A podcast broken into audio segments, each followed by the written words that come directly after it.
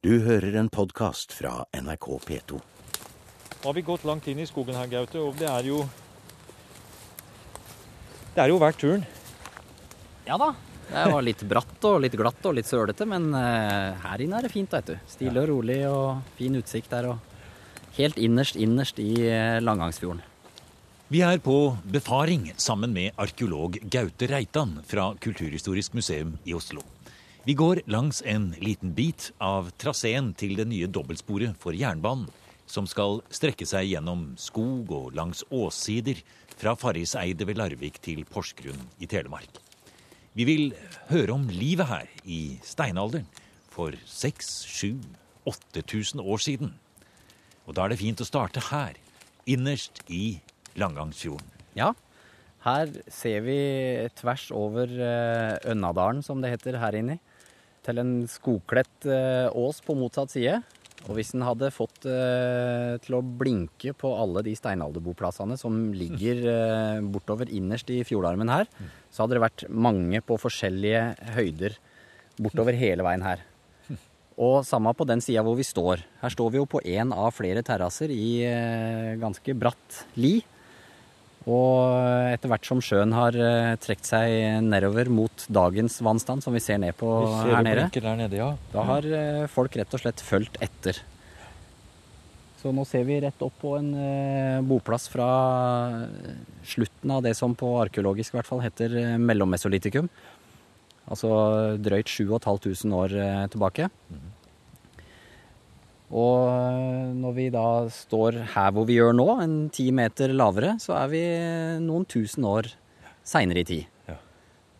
Så de har eh, mer eller mindre bodd med føttene i, og plaska i, i vannet. Og i noen deler av den perioden hvor strandsonen har endret seg, så gikk det jo også ganske fort. Ja, det gikk kjempefort, særlig rett etter at isen eh, slapp taket og begynte å smelte. Så er det ikke det at sjøen har trukket seg unna, det er mer det at landet har reist seg etter å ha sluppet tyngden av all isen. Så da gikk det veldig, veldig fort. Så bare i løpet av 500 år så kan vannstanden ha forandra seg med 25-30 meter. På mange måter, Gaute, så er jo de menneskene som bodde i det området vi står i her nå, de er så fjernt fra oss at eh, vi nesten ikke kan forstå noe av det. Ikke engang de fysiske omgivelsene de hadde. Men likevel så er de jo egentlig veldig nær, for de var antagelig akkurat sånn som vi er nå, når det gjelder å tenke og ha lyst til ting og fantasi og forestille seg ting. Og du har under armen din her, og du har med deg ting som er funnet her. Gi oss et lite bilde av eh, hva de spiste, hva de drev med, hvordan de holdt på her, hvor de kom fra, nær sagt hvor de skulle hen. Ja, vi, et lite innblikk får vi når vi studerer eh, avfall av det de spiste. Altså brente beinrester, rett og slett, av måltidsrester fra mange, mange tusen år tilbake. Og da kommer vi veldig tett på, syns vi. Eh, vi ser at de har eh, fiska mye. De har eh, brukt eh, fiskekrok og snøre og fiskegarn og ruser og alt sånt som eh, jo fortsatt egentlig er i bruk. Du sier at de spiste for det meste fisk, og det er på bakgrunn av at eh, 80-90% av det brente beinmaterialet som dere har funnet, det er altså fra fisk. Og det er fisk som går her ennå, hadde jeg nær sagt. Ja, det er torsk, og det er lange og sei og berggylte og lysterspisser har de sikkert eh, brukt til å spidde flyndrer på sandbånd osv. Men eh, de har jo òg hatt eh, andre ganske lett tilgjengelige matvarer, som østers og blåskjell og andre ja, sjøpattedyr, småhval, sel. Særlig akkurat her hvor vi står nå, hvor vi har helt innerst i, i fjordarmen her, en trang fjordarm, hvor en kan, ha, kan se for seg at det har kommet inn flokker med småhval og, og sel, som en kan mer eller mindre sperre inne innerst i fjorden og slakte dem helt innerst. Kanskje vi skal gå Vi går ned dit. Ja, vi gjør det. Så kommer vi litt mer ned i le her òg. Kanskje det var sånn de tenkte, de som fant den boplassen her og slo seg ned her.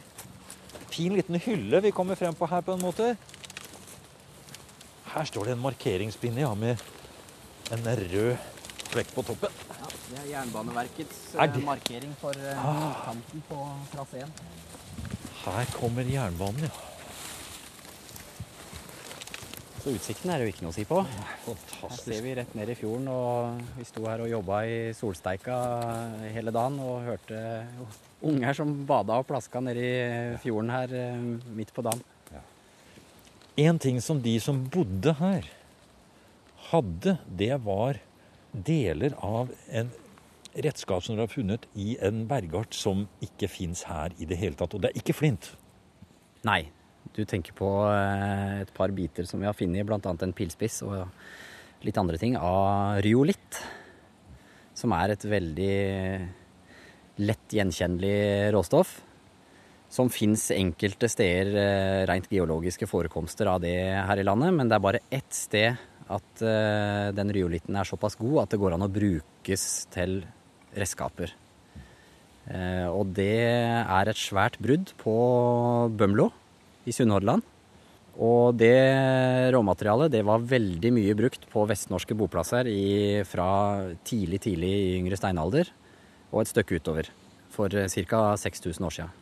Så dette steinaldersteinbruddet på Bømlo, det forsynte store deler av Norge med den etterspurte, spesielle, glassaktige steintypen. Ja. Og hvis en ser et norgeskart med boplasser over, eh, med, med, prikker over der hvor det er blitt funnet riolitt, så er det tett i tett med prikker på Vestlandet. Og så er det et par prikker på um, Hardangervidda. Men sørover på Vestlandet så stopper det ganske brått opp ved Egersund eh, og Lista. Mens på Østlandet så fins det ingen prikker. Bort, bortsett fra nå, da. Ja, nå har vi i hvert fall én prikk her eh, ved Langangen i Telemark. Så eh, det betyr jo at de har hatt tilgang på, eller i hvert fall kontakter med folk på Vestlandet.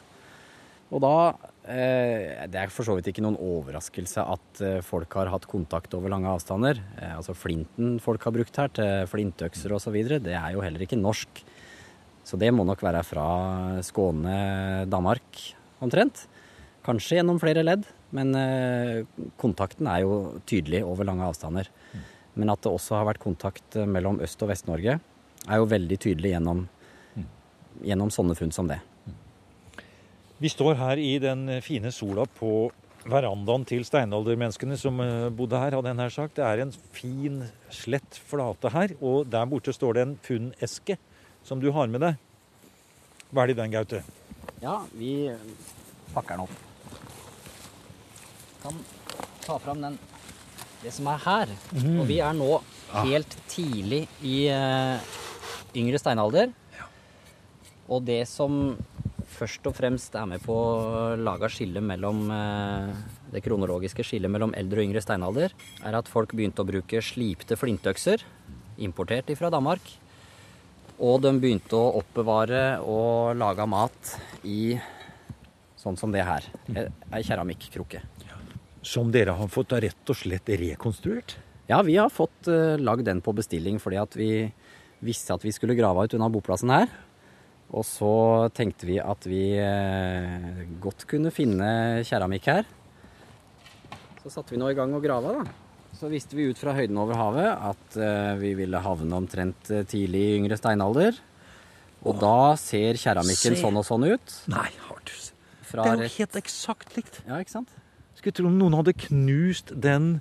Skal vi si, pilotkrukka som dere lagde ut fra Ja. læreboka. Ja. Det er jo nøyaktig de samme mønstre. Den vridde tråden som er da presset inn i, i, i leira. Ja. Så dette er da et traktbeger. Så halsen og munningen er forma som ei trakt, før karet utvider seg med tydelig markerte skuldre, og så smalner det litt av mot en flat bånd igjen. Så dette er noe av den eldste keramikken vi har her i landet. 6000 år gammel. Da vi fant de eh, keramikkskåra her, så var det en klar bekreftelse på at eh, vi var i tidlig yngre steinalder. Og at de som etterlot seg de kara her, de har hatt fem-seks kar i hvert fall, de som bodde her på Langangen Vestgård 6, som boplassen blir hetende, de har kjent til folk i Danmark og Sør-Sverige som var bønder. Og de har da identifisert seg med dem, brukt de samme typene gjenstander, både de samme øksene, de samme pilspissene og så videre og så videre, og keramikkrukker. Samme dekoren til og med. Ja. Ja. Og så eh, er spørsmålet da eh, Var det en bønder, de som eh, etterlot seg dette her på Langangen Westgård 6? Det er vi fortsatt ikke helt sikre på, da. Beliggenheten i landskapet og funninventaret viser vel egentlig ganske tydelig at det var jakt og fiske fortsatt som var greia, og den økonomiske basisen. Men de har allikevel lagt seg tett opp til sånn de store gutta sørpå levde. Men det tidlige jordbruket i Norge det er ganske gåtefullt. Og om det har vært der like tidlig i Norge som i Sør-Sverige og Danmark, det er nå litt usikkert. Og så kan det ha blitt slått av og på. Det kan ha blitt uh, slått på til å begynne med, og så kanskje de har uh, gått litt tilbake igjen til uh, den gode, gamle, trygge livsstilen med jakt og fiske igjen. Men eh, vi har nå det vi tror er et eksempel på en sånn tidlig tidlige spor av jordbruk på en eh, annen boplass som er eh, rett over åsen her borte. Mm -hmm.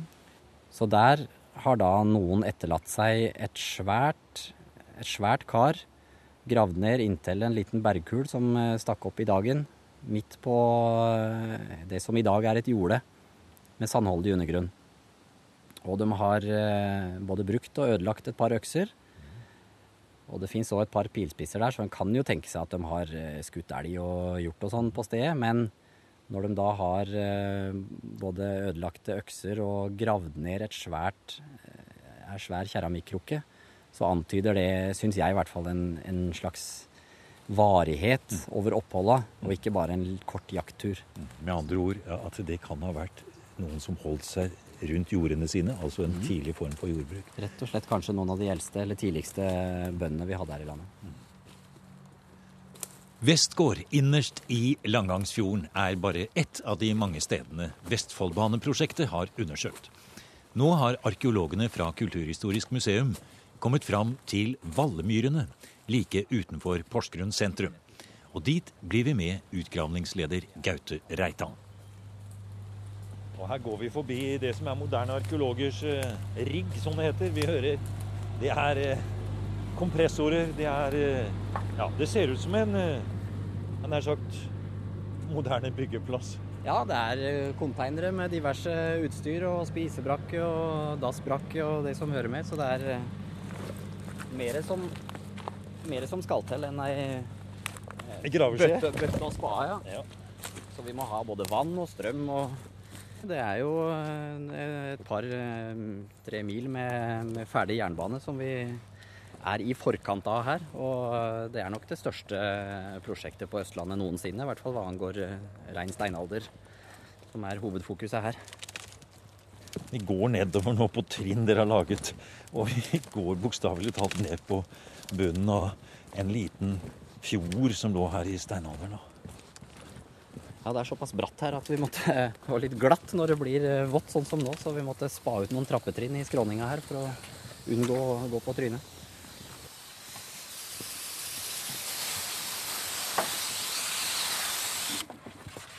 Utover et område på 200-300 kvadratmeter er det målt ut et rutenett med én ganger én meter store ruter. Der graves det systematisk ned 10 cm av gangen med skje og håndverktøy. Er det mye flint her? akkurat der nede. Ja. All masse blir båret i bøtter til spylebrett med finmasket netting i bunnen. Der blir det spylt grundig av arkeologer med trent øye. De går nøyaktig gjennom alt som blir liggende igjen. Er det noe lovende her, eller? Nei, det er rolig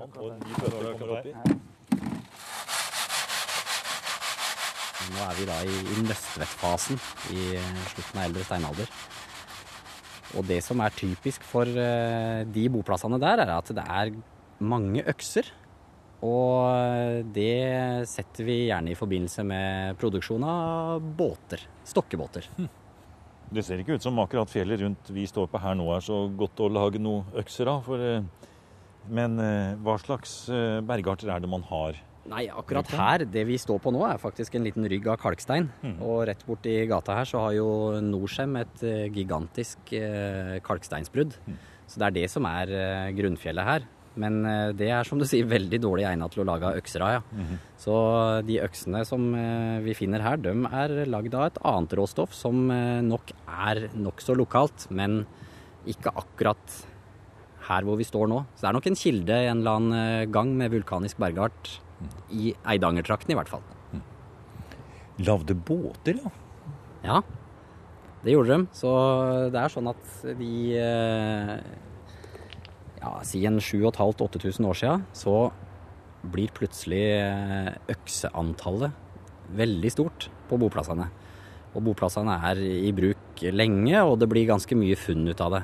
Så at én en enkelt boplass, sånn som den klassiske Nøstvedt-boplassen f.eks., der er det vel funnet over 300 økser, tror jeg.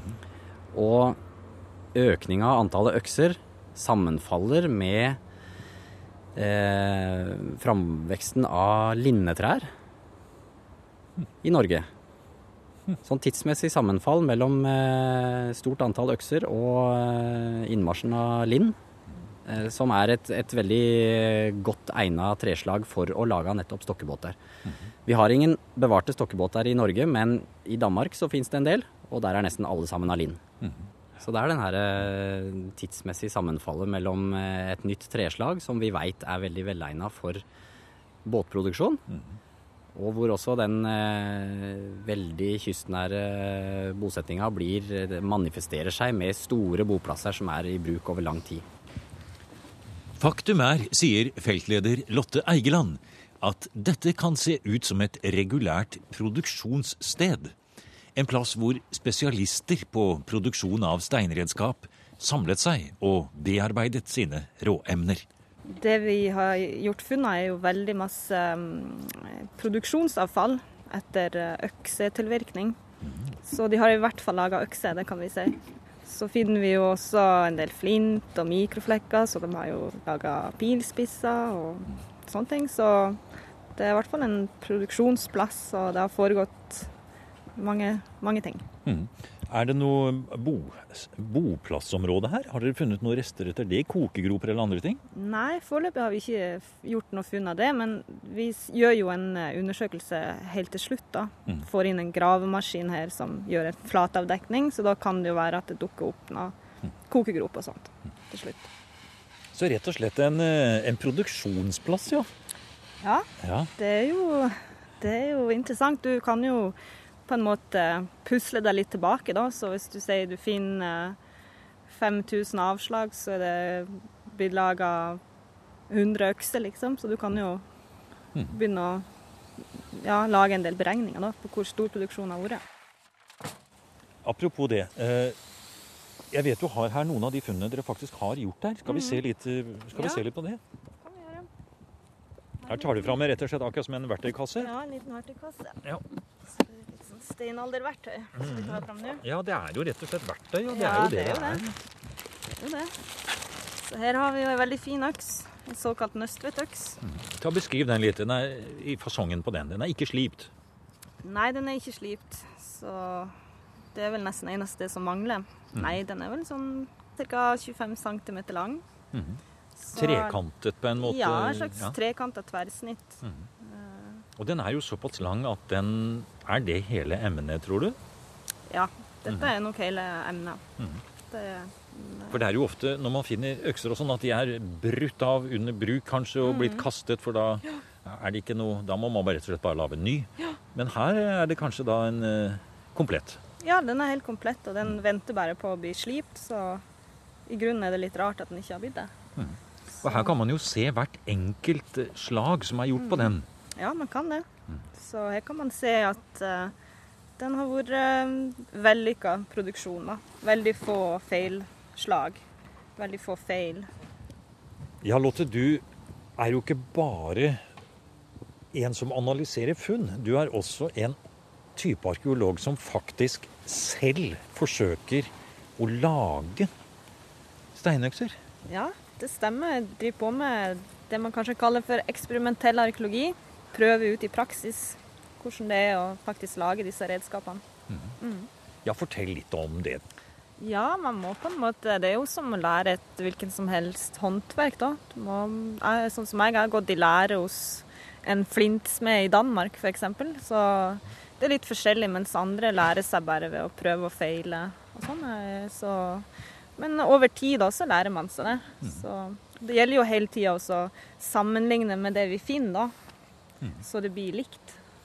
Du har tatt fram et eh, emne her. Forklar litt om hvordan du ville gått frem hvis du skulle laget akkurat den. Ja, dette var jo det vi kalte en nøstvedøks. Så den er jo flat, litt flat på ei side. Så for å gå fram her, så ville jeg jo først funnet et emne. Og jo nærmere emnet ligner på øksas form, jo bedre. Så å finne et godt emne er nesten eh, liksom det viktigste av hele prosessen. Å ha et godt øye for emneved, var det noe som het før i tiden blant håndverkere. Ja, det, det er helt korrekt. For har du ikke et bra emne, så kan du bare pakke sammen. Så her på Vallemyrene så lurer vi jo på om de kanskje har hatt et brudd i nærheten av boplassen som de har henta ut. Gode emner som de har tatt med seg hit.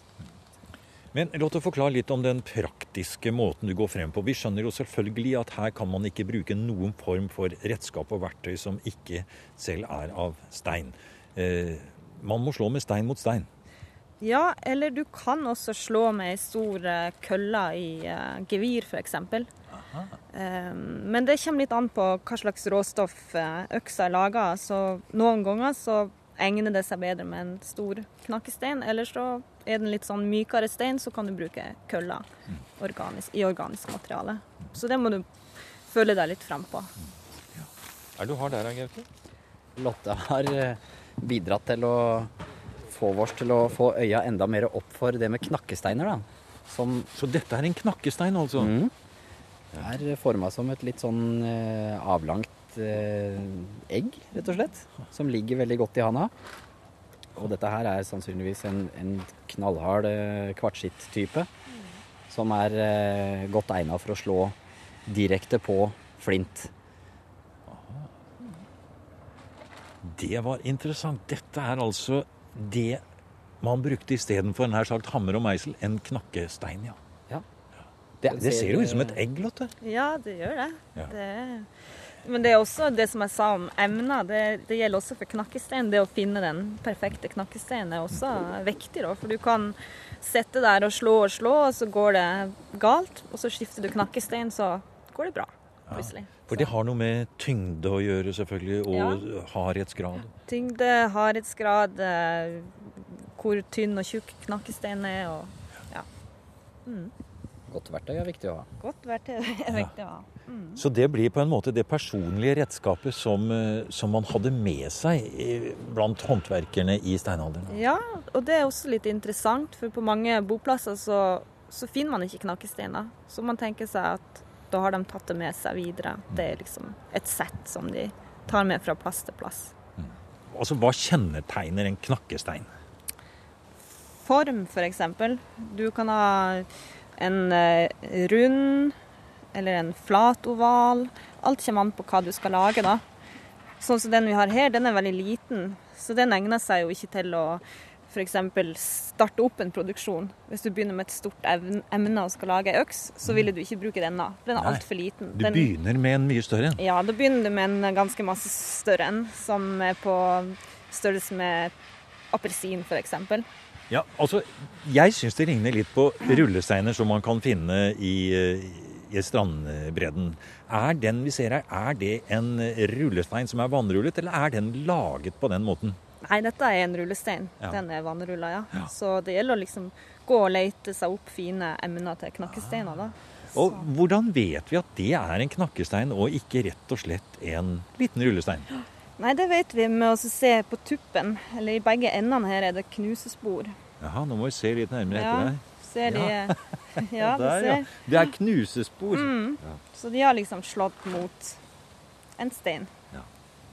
Så det vi kan si er at for å bestemme at dette er en knakkestein, så må de ha disse knusesporene i hver ende. Ja, eller det vil si, vi har også gjort funn av det man kaller for et depot, da, der du har funnet noen helt ubrukte knakkesteiner som har eh, ligget ved sida av f.eks. en håndtakskjerne. Da.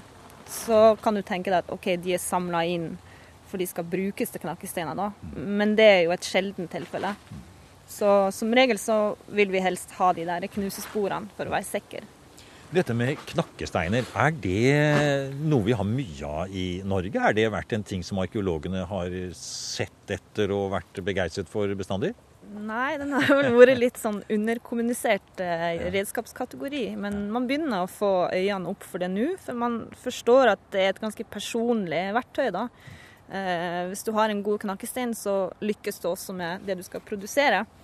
Så det har nok vært viktig for dem, og vi kan jo tenke oss at de har tatt med seg knakkesteinene fra boplass til boplass. da. Og du Lotte, du syns at dette med knakkesteiner er så viktig å få frem kunnskap om at du har rett og slett laget en knakkesteinsforening? Ja, det stemmer det. Jeg har det. Vi er bare to medlemmer foreløpig. Ja. Men det spørs jo hva som skjer nå etterpå. Dette radioprogrammet.